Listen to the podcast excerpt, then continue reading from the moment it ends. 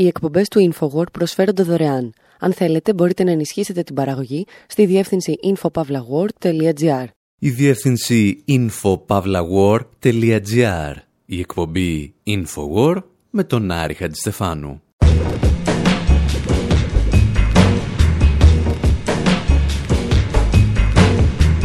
όπου σήμερα καταρρύπτουμε ένα αεροσκάφος των Ιρανικών αερογραμμών για να δούμε αν νοιάζεται κανένας. Ακούμε τον Υπουργό Εξωτερικών των Ηνωμένων Πολιτειών να υποστηρίζει ότι εδώ και τέσσερις δεκαετίες το Ιράν προκαλεί χωρίς κανένας να το προκαλεί. Και αναρωτιόμαστε εάν εμείς ή αυτός μεγαλώσαμε σε έναν άλλο πλανήτη. Και ύστερα αλλάζουμε θέμα χωρίς να αλλάζουμε ιδιαίτερα αντίπαλο παρακολουθούμε τη μεγάλη συζήτηση που ξέσπασε στις Ηνωμένες Πολιτείες για το αν ο Τραμπ κρατά ανήλικα παιδιά σε στρατόπεδα συγκέντρωσης. Και χωρίς να θέλουμε να προκαταλάβουμε τη συζήτηση, αναρωτιόμαστε γιατί κρατά αυτά τα παιδιά στα ίδια στρατόπεδα συγκέντρωσης που κρατούσαν τους Ιάπωνες στο Δεύτερο Παγκόσμιο Πόλεμο. Και όλα αυτά τα κάνουμε με αρκετούς Joy Division και κάτι αναρχοπάνκιδες που ξεθάψαμε από το χρόνο από της ιστορίας. I love to fly.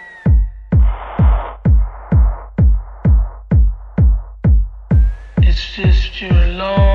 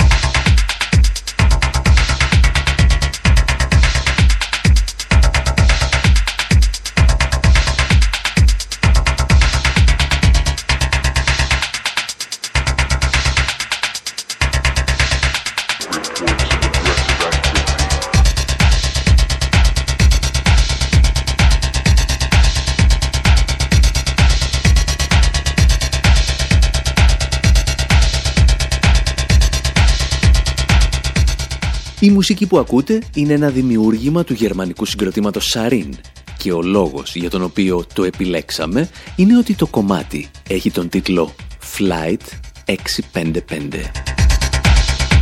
όπου 655 ήταν ο αριθμός της πτήσης των Ιρανικών αερογραμμών που κατέριψαν οι Ηνωμένες Πολιτείες το 1988, στέλνοντας στο θάνατο σχεδόν 300 ανυποψίαστους ανθρώπους. Προφανώς θυμηθήκαμε αυτή την ιστορία όταν στα μέσα Ιουνίου το Ιράν κατέριψε ένα μη επανδρομένο κατασκοπευτικό αεροσκάφος τύπου Global Hawk των Ηνωμένων Πολιτειών, το οποίο, σύμφωνα με την Τεχεράνη, πετούσε στα Ιρανικά χωρικά ύδατα.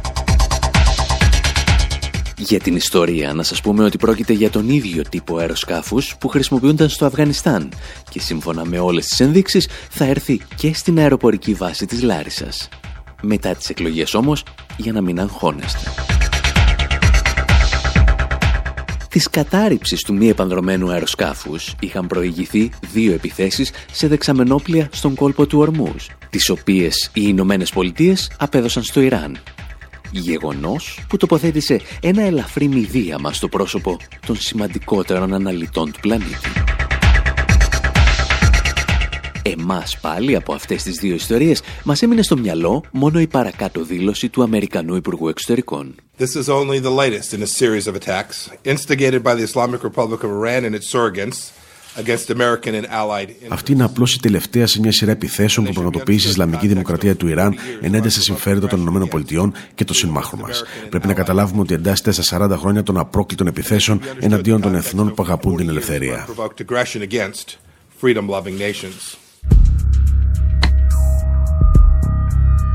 Αν και δυσκολευόμαστε να θυμηθούμε σε πόσες χώρες εισέβαλε τα τελευταία 40 χρόνια το Ιράν και πώς απείλησε τα έθνη που αγαπούν τη δημοκρατία και την ελευθερία, η λέξη κλειδί στη δήλωση του Μάικ Πομπέο είναι το «απρόκλητη». Γιατί σημαίνει ότι το πραξικόπημα που διοργάνωσαν οι Ηνωμένες Πολιτείες στο Ιράν για την ανατροπή του Μοσάντεκ δεν αποτελούσε πρόκληση. Το γεγονός ότι εξόπλιζαν τον Σαντάμ Χουσεΐν για να εισβάλλει στο Ιράν, ακόμη και με χημικά όπλα, δεν ήταν πρόκληση. Το γεγονός ότι οι Ισραηλινές και Αμερικανικές μυστικές υπηρεσίες κατηγορούνται για τη δολοφονία Ιρανών επιστημόνων και την καταστροφή πυρηνικών εγκαταστάσεων μέσω κυβερνοεπιθέσεων δεν είναι πρόκληση. Οι εμπορικές και οικονομικές κυρώσεις που βυθίζουν την Ιρανική οικονομία επίσης δεν είναι πρόκληση. Γιατί όπως μας εξήγησε ο Μάικ Πομπέο, ό,τι κάνει το Ιράν είναι απρόκλητο. Εμείς πάλι από αυτές τις μη προκλήσεις των ΗΠΑ σκεφτήκαμε να θυμηθούμε μία συγκεκριμένη. Εκείνο το πρωινό της 3ης Ιουλίου του 1988, όταν οι Αμερικανοί πολίτες, αλλά και ολόκληρη η ανθρωπότητα, ξυπνούσε με έκτακτα δελτία ειδήσεων σαν και αυτό. This is an NBC News special report. Here is Garrett Utley.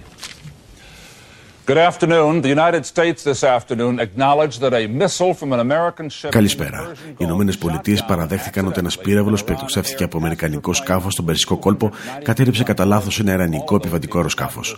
Οι 290 επιβαίνοντες πιστεύετε ότι είναι νεκροί. Στο Πεντάγωνο, ο ναύαρχος William Κράου, αρχηγός Γενικού Επιτελείου Ενόπλων Δυνάμεων, ανέφερε ότι ο πύραυλος προήλθε από το αμερικανικό καταδρομικό USS Vincennes, το οποίο πίστευε ότι δέχεται επίθεση από ένα ιρανικό μαχητικό F-14.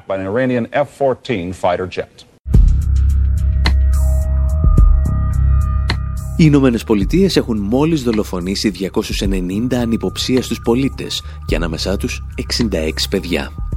Και τα μέλη του καταδρομικού USS Vincennes το γιόρτασαν δεόντως, όπως μάθαμε αργότερα, από βίντεο που ήρθαν στη δημοσιότητα.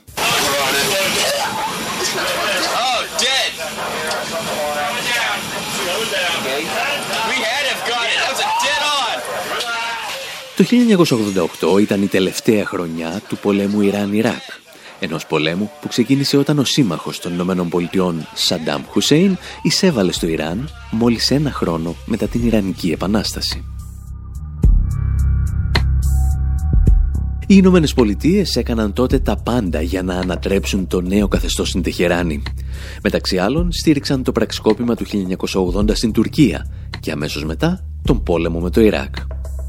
Σε αυτό το πλαίσιο, αμερικανικά καταδρομικά περιπολούσαν στον Περσικό κόλπο με πρόσχημα την προστασία της διεθνούς ναυσιπλοείας. These are the sentinels of the Gulf. It is the public's first look at the armada the Navy calls a 350,000-ton calling card. A blunt warning that if the caller is provocative, the welcome will be harsh.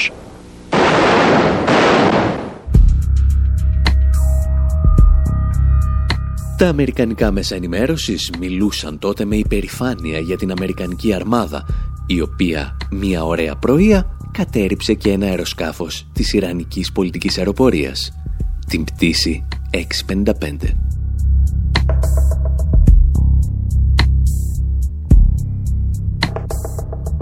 Όπως ακούσαμε και στις προηγούμενες ειδήσεις, το αμερικανικό καταδρομικό USS Vincennes πίστεψε ότι δέχεται επίθεση από ένα ιρανικό F-14.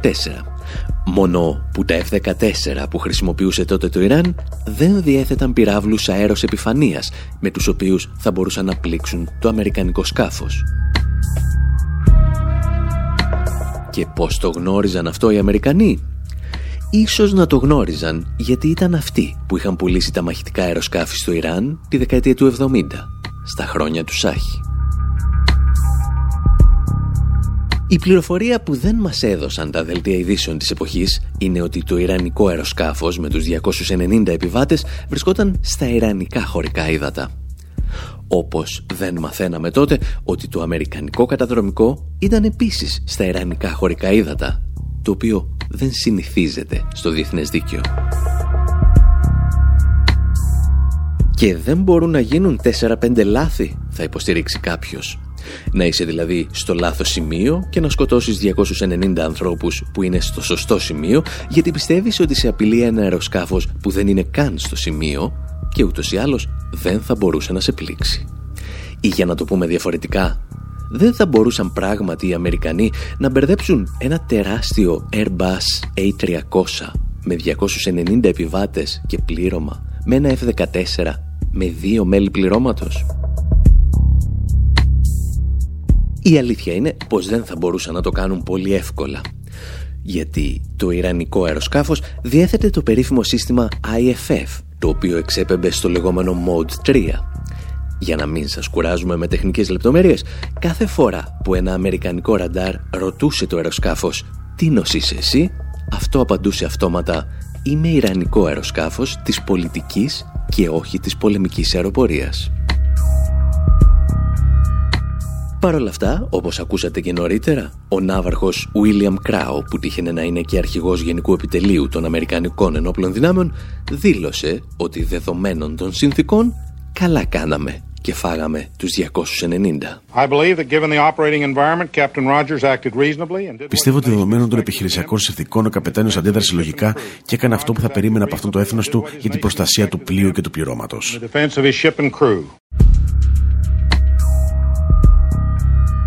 Το ότι το έθνος ζήτησε από το Πεντάγωνο να σκοτώσει 290 ανθρώπους, μεταξύ των οποίων και 66 παιδιά, δεν έχει επιβεβαιωθεί ακόμη. Έτσι είναι όμως πάντα με τα έθνη.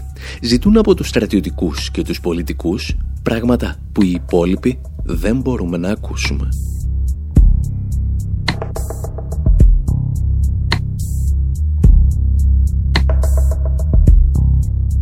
Ένα ζήτημα λοιπόν σε αυτή την ιστορία είναι αν πράγματι οι Ηνωμένες Πολιτείες γνώριζαν ότι θα κατέριπταν ένα αεροσκάφος της πολιτικής αεροπορίας και το έκαναν συνειδητά. Ένα δεύτερο σημείο όμως είναι γιατί δεν ζήτησαν ποτέ συγγνώμη. Και η απάντηση ίσως κρίνει τη γενικότερη στάση της Ουάσινγκτον απέναντι στο Ιράν τα τελευταία 40 χρόνια. Ιστορίες για να συζητάμε ύστερα από ένα μικρό διάλειμμα, αφού πρώτα ακούσουμε τους Conflict στο τραγούδι τους με τίτλο «These colors don't run». Αυτά τα χρώματα δεν ξεβάφουν. Ένα τραγούδι που όσο παράδοξο και αν ακούγεται συνοψίζει όσα συνέβησαν εκείνη τη χρονιά στον Περσικό κόλπο αλλά και στην Ουάσιγκτον.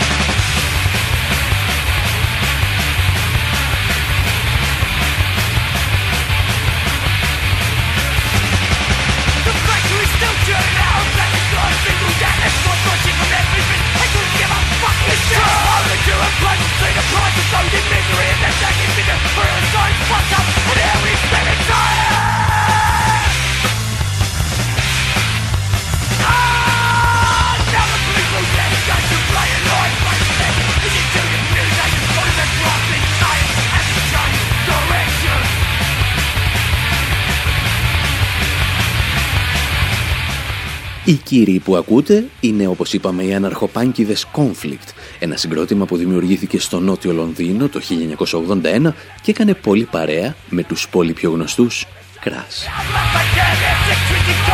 Εδώ πιάνουν το χρονολόγιο από το 1981 μέχρι το 1991 και περιγράφουν με μεθοδικότητα και κυρίως ψυχραιμία, όπως μπορείτε να ακούσετε, τα σημαντικότερα πολιτικά γεγονότα κάθε χρονιάς. Και στο 1988 φυσικά κυριαρχούν η κατάρριψη του αεροσκάφου των Ιρανικών αερογραμμών αλλά και η εκλογή του George Bush του πρεσβύτερου στην Προεδρία των Ηνωμένων Πολιτειών. Δύο απόλυτα συνδεδεμένα γεγονότα.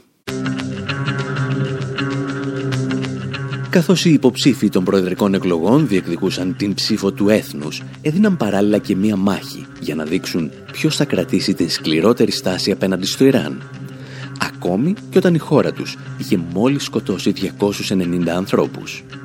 Και αυτή τη μάχη την κέρδισε ο Τζορτζ Μπούς ο πρεσβύτερος.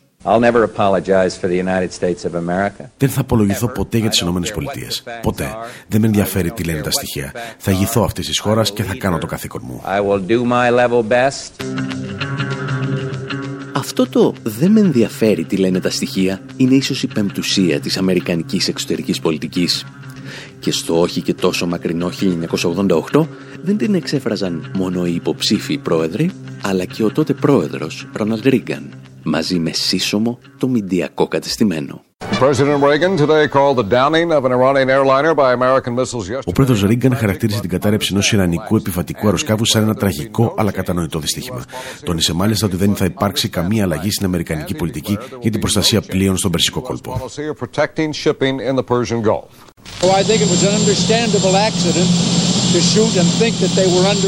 Πιστεύω ότι ήταν ένα κατανοητό δυστύχημα. Πίστευαν ότι δέχονται επίδεση από αυτό το αεροπλάνο. Δεν θέλω να υποτιμήσω τα χαρακτηριστικά της τραγωδίας. Ο πύραυλό μας όμως εκτοξεύτηκε γιατί ένα ραντάρ εντόπισε ένα αεροσκάφος να προσεγγίζει από μεγάλη απόσταση.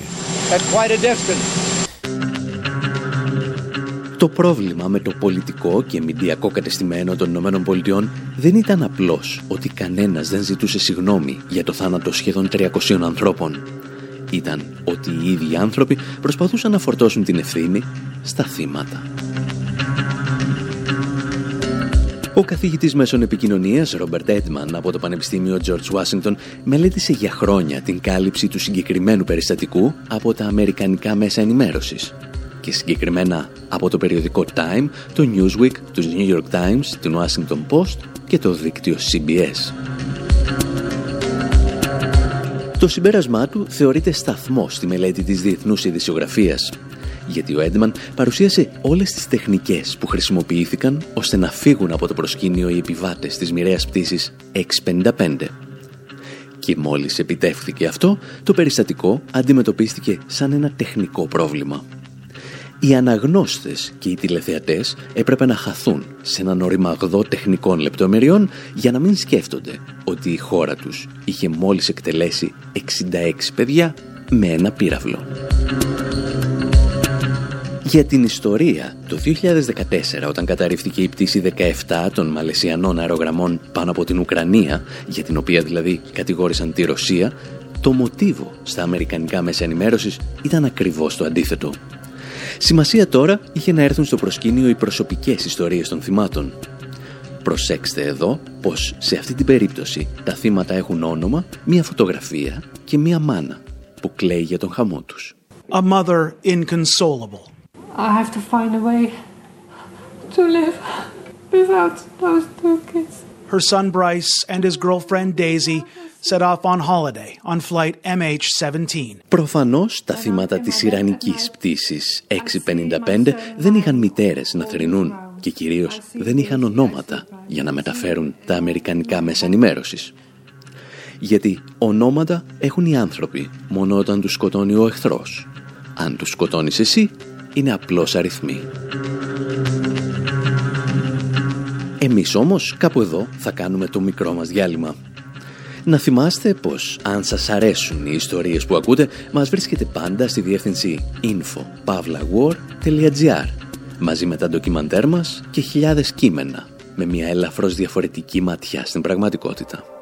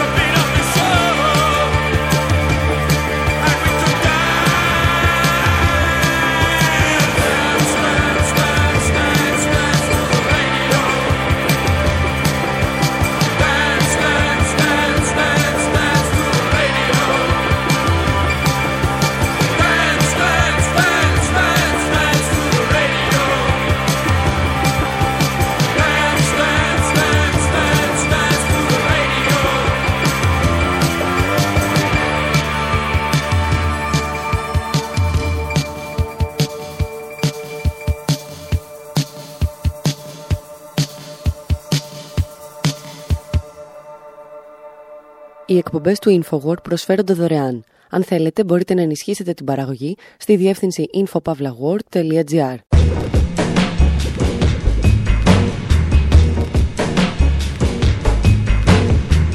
Η εκπομπή InfoWar με τον Άρη Χατζηστεφάνου όπου παρακολουθούμε εδώ και μερικές εβδομάδες την αντιπαράθεση στο εσωτερικό των Ηνωμένων Πολιτειών για το αν ο Τραμπ στέλνει τα παιδιά των μεταναστών σε στρατόπεδα συγκέντρωσης ή σε δομές υποδοχής μεταναστών. Το πρόβλημα δηλαδή είναι αν μπορούμε να χρησιμοποιούμε τη λέξη στρατόπεδα συγκέντρωσης για τα αμερικανικά κολαστήρια. Ακόμη και όταν τα παιδιά των μεταναστών καταλήγουν σε πρώην στρατόπεδα συγκέντρωσης ή απόνων κρατουμένων. Μια συζήτηση που γίνεται στις Ηνωμένες Πολιτείες σε ανώτατο πολιτικό επίπεδο, αλλά δεν έγινε στην Ελλάδα ούτε με την Αμυγδαλέζα, ούτε με τη Μόρια. Σκεφτήκαμε λοιπόν να σας διηγηθούμε παλιές και νέες ιστορίες για τα στρατόπεδα συγκέντρωσης, από τον πόλεμο των Μπόερς μέχρι τον Διονύσης Σαββόπουλο. Και ξεκινάμε από τη δική μας κοντινή Αφρική.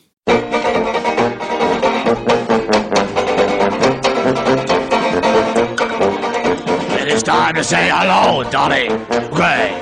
Don't you know this is Lacey here, Dolly Gray?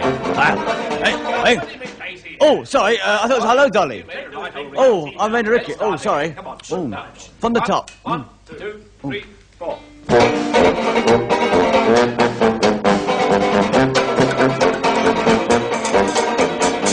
Time to say goodbye, Dolly Gray. There's no need to ask me why, Dolly Gray. There's a murmur in the air. During this record, Professor Bruce Lacey will be doing such capital things as sword swallowing, fire eating, and juggling. Unfortunately for you, dear listener, all these accomplishments are silent. Feet in a uniform so neat. So it's goodbye until we meet, Dolly Gray. Goodbye, Dolly, I must leave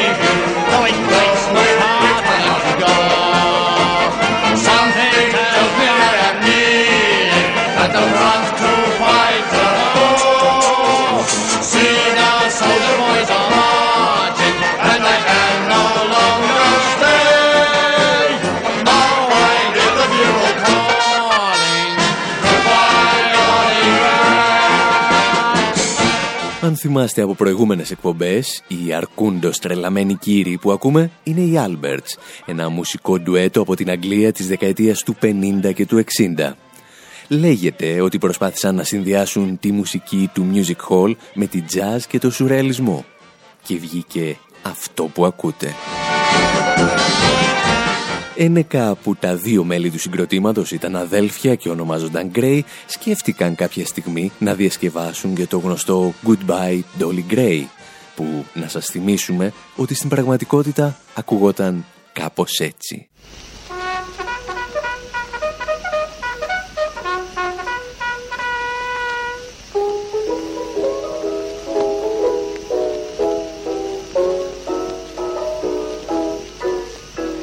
I have come to say goodbye, Dolly Gray. It's no use to ask me why, Dolly Gray. There's a murmur in the air, you can hear it everywhere. It is time to do and dare, Dolly Gray.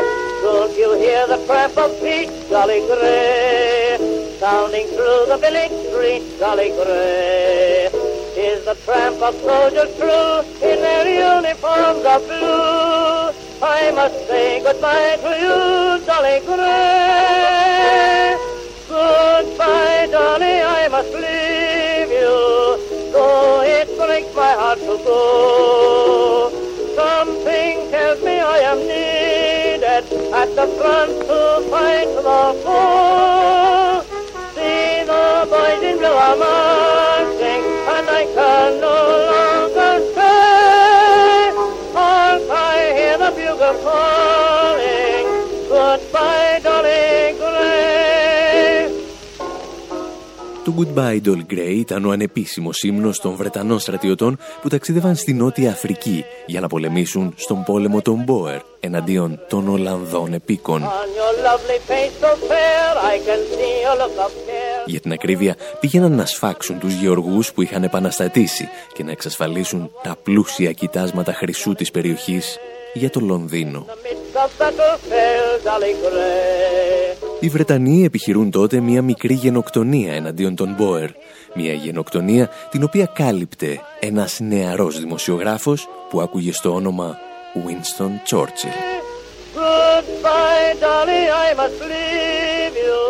Για την ιστορία που μας ενδιαφέρει πάντως, ο πόλεμος των Μπόερ θα προσφέρει στην ανθρωπότητα το αγαπημένο παιχνίδι κάθε φασιστικού, φιλοφασιστικού και εν γέννη αυταρχικού καθεστώτος, τα στρατόπεδα συγκέντρωσης. Προκειμένου να αντιμετωπίσει τις αντάρτικες δυνάμεις των Μπόερ, ο Βρετανικός στρατός αντιγράφει την πολιτική της καμένης γης με την οποία πολέμησαν οι Ρώσοι στρατηγοί στους Ναπολεόντιους πολέμους. Η διαφορά είναι ότι έπαιρναν μαζί τους τις γυναίκες και τα παιδιά των ανταρτών από τις περιοχές που ισοπαίδωναν και τα έκλειναν σε στρατόπεδα συγκέντρωσης. Τα πρώτα στρατόπεδα συγκέντρωσης στην ιστορία. Οι συνθήκες εκεί λέγεται ότι ήταν τόσο άθλιες ώστε περίπου 26.000 γυναίκες και παιδιά πέθαναν από μεταδοτικές ασθένειες και ασυτεία. Για να είμαστε ακριβείς βέβαια, στρατόπεδα συγκέντρωσης είχαν στηθεί επίσης κατά τη διάρκεια του πρώτου πολέμου ανεξαρτησίας της Κούβας, ενώ οι Ηνωμένες Πολιτείες είχαν στήσει τα δικά τους μαγαζιά όταν εισέβαλαν στις Φιλιππίνες. Αυτά όμως χρησιμοποιούνταν κυρίως για εχμαλώτους. Οι Βρετανοί θα μας δώσουν τα στρατόπεδα συγκέντρωσης όπως τα γνωρίζουμε σήμερα, με την έννοια ότι η κράτηση δεν σχετίζεται με κάποια πράξη ή παράληψη, αλλά αφορά ένα ολόκληρο έθνος ή μια ομάδα του πληθυσμού. Δεν έχει πλέον σημασία δηλαδή αν κατηγορείσαι για κάποιο αδίκημα. Στο στρατόπεδο συγκέντρωσης δεν τιμωρείσαι για αυτό που έκανες, αλλά για αυτό που είσαι. Κάτι σαν να είσαι πρόσφυγας στην Ελλάδα και να σε χώσουν στην αμυγδαλέζα χωρίς ποτέ να σου απαγγείλουν οποιαδήποτε κατηγορία για κάποια σου πράξη. Αυτά όμως θα τα συζητήσουμε ύστερα από ένα μικρό διάλειμμα.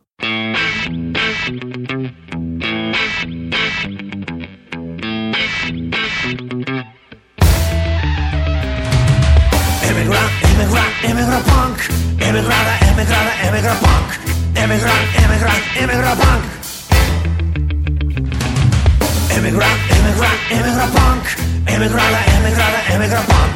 Emigrant, emigrant, emigrant punk. Pow! Upon arriving to the mountain pot. I get penciled in as a goddamn white. Now that I am categorized Officer gets me naturalized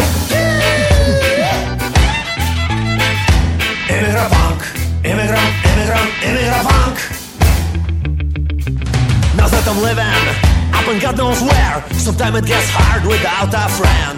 But as I am lurking around, Hosa, I see another immigrant punk. There is a little punk mafia everywhere you go. She is good to me and I'm good to her.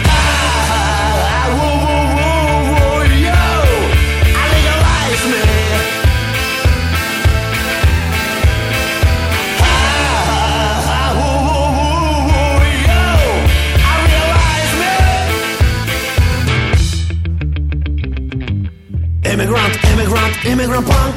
Immigrant, immigrant, immigrant punk. Immigrant, immigrant, immigrant punk. Despite the living in the USA, I'm still holding up in all my ways. I got a friends, we got a band, we still make sound. You can stand without banging on some big old pot without getting out of bed. But I'm relaxed, I'm just lurking around. Hosa, I see another immigrant punk. There is a little punk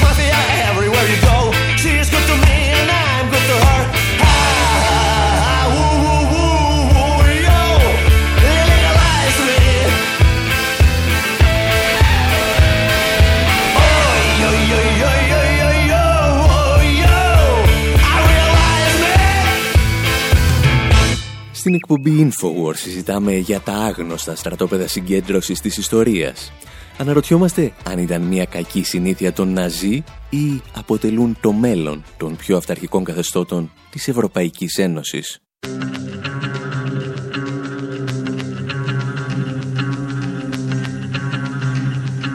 Σήμερα η λέξη στρατόπεδο συγκέντρωσης φέρνει σχεδόν αυτομάτως στο μυαλό τη ναζιστική Γερμανία και τους χώρους εξόντωσης των ομοφυλόφιλων, των Εβραίων και των Τσιγκάνων. Κατηγορίες δηλαδή που όπως είπαμε δεν τιμωρούνταν για αυτό που πίστευαν ή έκαναν, αλλά για αυτό που ήταν. Αυτό που συνήθως ξεχνάμε είναι ότι υπήρχε και μια δεύτερη χώρα που είχε στρατόπεδα συγκέντρωσης στη διάρκεια του Δευτέρου Παγκοσμίου Πολέμου και ονομαζόταν Ηνωμένες Πολιτείες. Το ρεπορτάζ έχει ο Μάικ Σινόντα, των Linkin Park.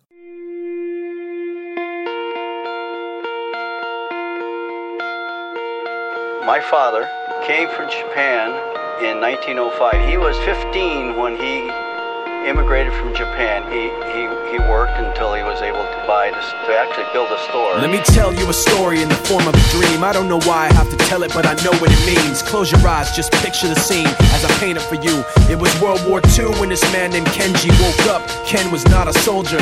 He was just a man with a family who owned a store in LA. That day, he crawled out of bed like he always did, bacon and eggs with wife and kids. He lived on the second floor of a little store he ran. He moved to LA from Japan, they called him immigrant. In Japanese, he'd say he was called Issei. That meant first generation in the United States when everybody was afraid of the Germans, afraid of the Japs, but most of all afraid of a homeland attack. And that morning, when Ken went out on the doormat, his world went black, cause right there, front page news, three weeks before 1942, Pearl Harbor's been bombed and the Japs are coming. Pictures of soldiers dying and running.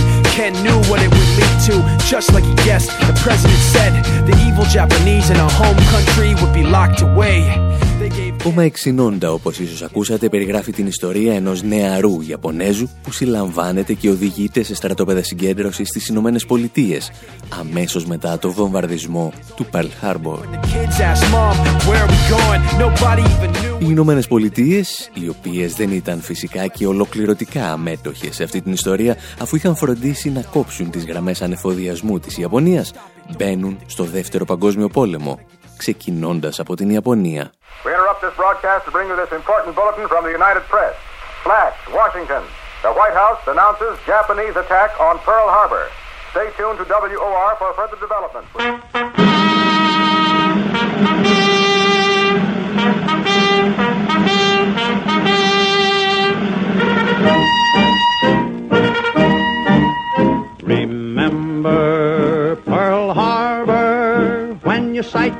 The barrel of your gun. Remember Pearl Harbor, never stop till you drop everyone. Give 'em bomb for bomb, give 'em shell for shell, kill a hundred rats for every boy that fell. Remember Pearl Harbor, wipe the Jap from the map, give 'em hell. Καθώς ο πυρετός του πολέμου καταλαμβάνει τις Ηνωμένες Πολιτείες, τουλάχιστον 110.000 πολίτες ιαπωνικής καταγωγής που ζούσαν στις δυτικές ακτές των Ηνωμένων Πολιτειών φυλακίζονται σε στρατόπεδα συγκέντρωσης. So peacefully. Περίπου 6 στους 10 από αυτούς ήταν Αμερικανοί πολίτες και χιλιάδες από αυτούς ζητούσαν να πολεμήσουν για τις Ηνωμένες Πολιτείες απέναντι στις δυνάμεις του άξονα. They stabbed our boys in Ο Φραγκλίνος Ρούσβελτ όμως είχε διαφορετική γνώμη.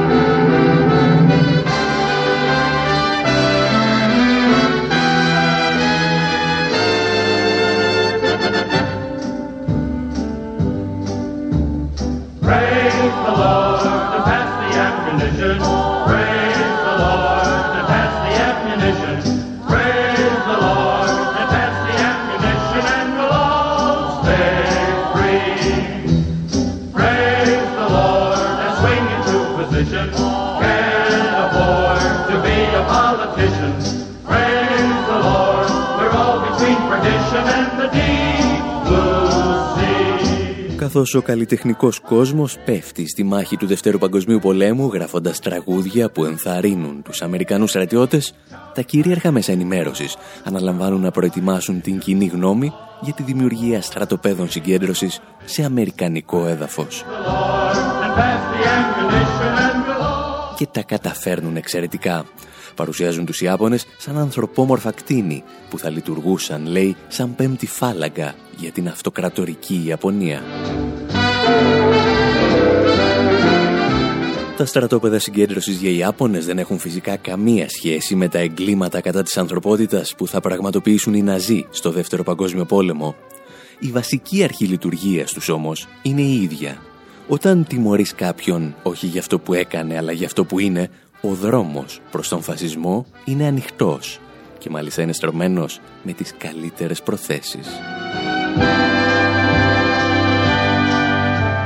Προφανώς στις Ηνωμένες Πολιτείες της δεκαετίας του 40 ο πόλεμος έρχεται απλώς για να κλιμακώσει την ξενοφοβία και το ρατσισμό που προϋπήρχε στην Αμερικανική κοινωνία.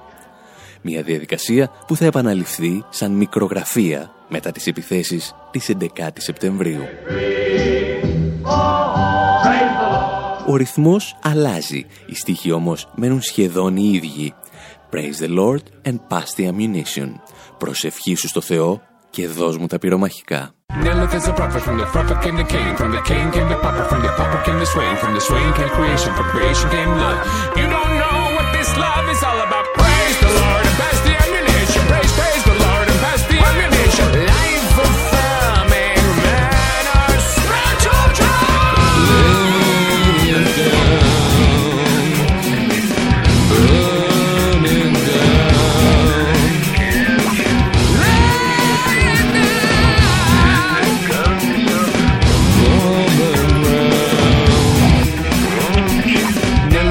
Lilith is a prophet, from the prophet came the king, from the king came the papa, from the papa came the swing, from the swing came creation, from creation came love. You don't know what this love is all about. Praise the Lord and pass the ammunition. Praise, praise the Lord and pass the ammunition. Για την ιστορία, το τραγούδι που ακούτε είναι το System of a Down και δανείζεται στίχους από τραγούδια για το Pearl Harbor, για να δημιουργήσει όμως ένα αντιπολεμικό μουσικό αποτέλεσμα.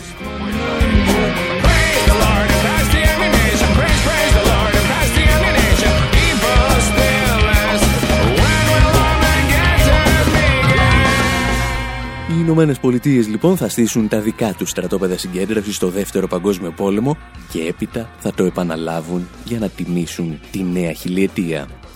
Στα σύνορα Ηνωμένων Πολιτειών Μεξικού στείνονται χώροι κράτησης μεταναστών και λίγο αργότερα ανοίγει το Γκουαντάναμο για να φιλοξενήσει ένα νέο είδος κρατούμενου. Ανθρώπους που όπως και οι Ιάπωνες του Δευτέρου Παγκοσμίου Πολέμου δεν πέρασαν ποτέ από δικαστήριο πριν διαβούν τις πόρτες των Αμερικανικών κολαστηρίων. Και αυτές οι κακές συνήθειες θα κάνουν γρήγορα μετάσταση και στην Ευρώπη.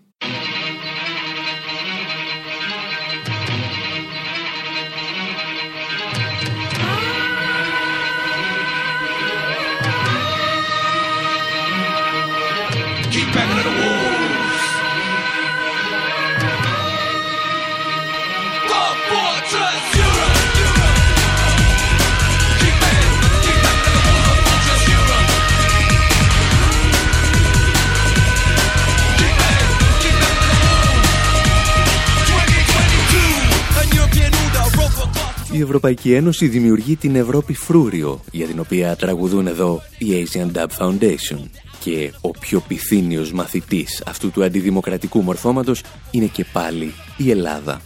Με τη δημιουργία του στρατοπέδου συγκέντρωσης στην Αμυγδαλέζα και σε άλλες περιοχές της χώρας, το πνεύμα του πολέμου των Μπόερ, αλλά και η κράτηση των Ιαπώνων στις Ηνωμένες Πολιτείες, αναβιώνει στην άκρη της Μεσογείου. Οι πόρτες ανοίγουν πρώτα για τους μετανάστες που στηβάζονται σε ζωώδεις συνθήκες. Αργότερα όμως έρχεται και η σειρά τοξικοεξαρτημένων και αστέγων να περάσουν αρχικά για μία επίσκεψη από το σύμβολο του σύγχρονου ελληνικού φασισμού. Για άλλη μια φορά, η προετοιμασία της κοινής γνώμης απαιτούσε μακροχρόνια προεργασία. Και αυτή τη φορά, εκτός από τα μέσα ενημέρωσης, επιστρατεύτηκαν και οι άνθρωποι του πνεύματος. Σε μια προφητική συνέντευξή του, ο Διονύσης Σαββόπουλος είχε καταθέσει τρεις προτάσεις προς το κράτος. Και το κράτος ανταποκρίθηκε και στις τρεις. Τις ακούμε μετά μουσικής και επανερχόμαστε. Κόρα χρώμα τα μαλλιά κι ασπρίσανε να απομακρυνθούν όλοι οι λαθρομετανάστες από το κέντρο της Αθήνας. Εγώ θα έλεγα να, πηγαίνανε, να τους πηγαίνανε σε αεροκατοικημένα νησιά του Αιγαίου. Απ' τη μεριά της εξορίας γυρίσανε Δεν μπορεί η Αθήνα να είναι η χωματερή όλων αυτών των ανθρώπων. Πρέπει να καθαριστούν όλα αυτά τα κτίρια τα οποία είναι εγκαταλειμμένα ή είναι υποκατάληψη. Το σπίτι αδιανό Σβησμένη φωτιά Ο κάμπος πληγεί Έχουμε τους τοξικομανείς. Πρέπει να μεταφερθούν, δεν ξέρω πάλι πού, ας το βρουν οι πολιτικοί μας. Ο τάφος μικρός Η μάνα δεν ζει Και ένα πουλάκι λαλεί Το σπίτι αδιανός Σβησμένη φωτιά Ο κάμπος πληγεί Ο τάφος μικρός Η μάνα δεν ζει Και ένα πουλάκι λαλεί. Είμαστε πρώτοι και ακολουθάνε αναστημένοι χίλιοι νεκροί. Νέοι καιροί ξημερώνουνε πάλι Να η φωτιά, να η ζωή Τα στρατόπεδα συγκέντρωσης λοιπόν από την Ευρωπαϊκή Απικιοκρατία περνούν στον ναζισμό και ύστερα από ένα μικρό διάλειμμα στις Ηνωμένες Πολιτείες επιστρέφουν στην Ευρώπη.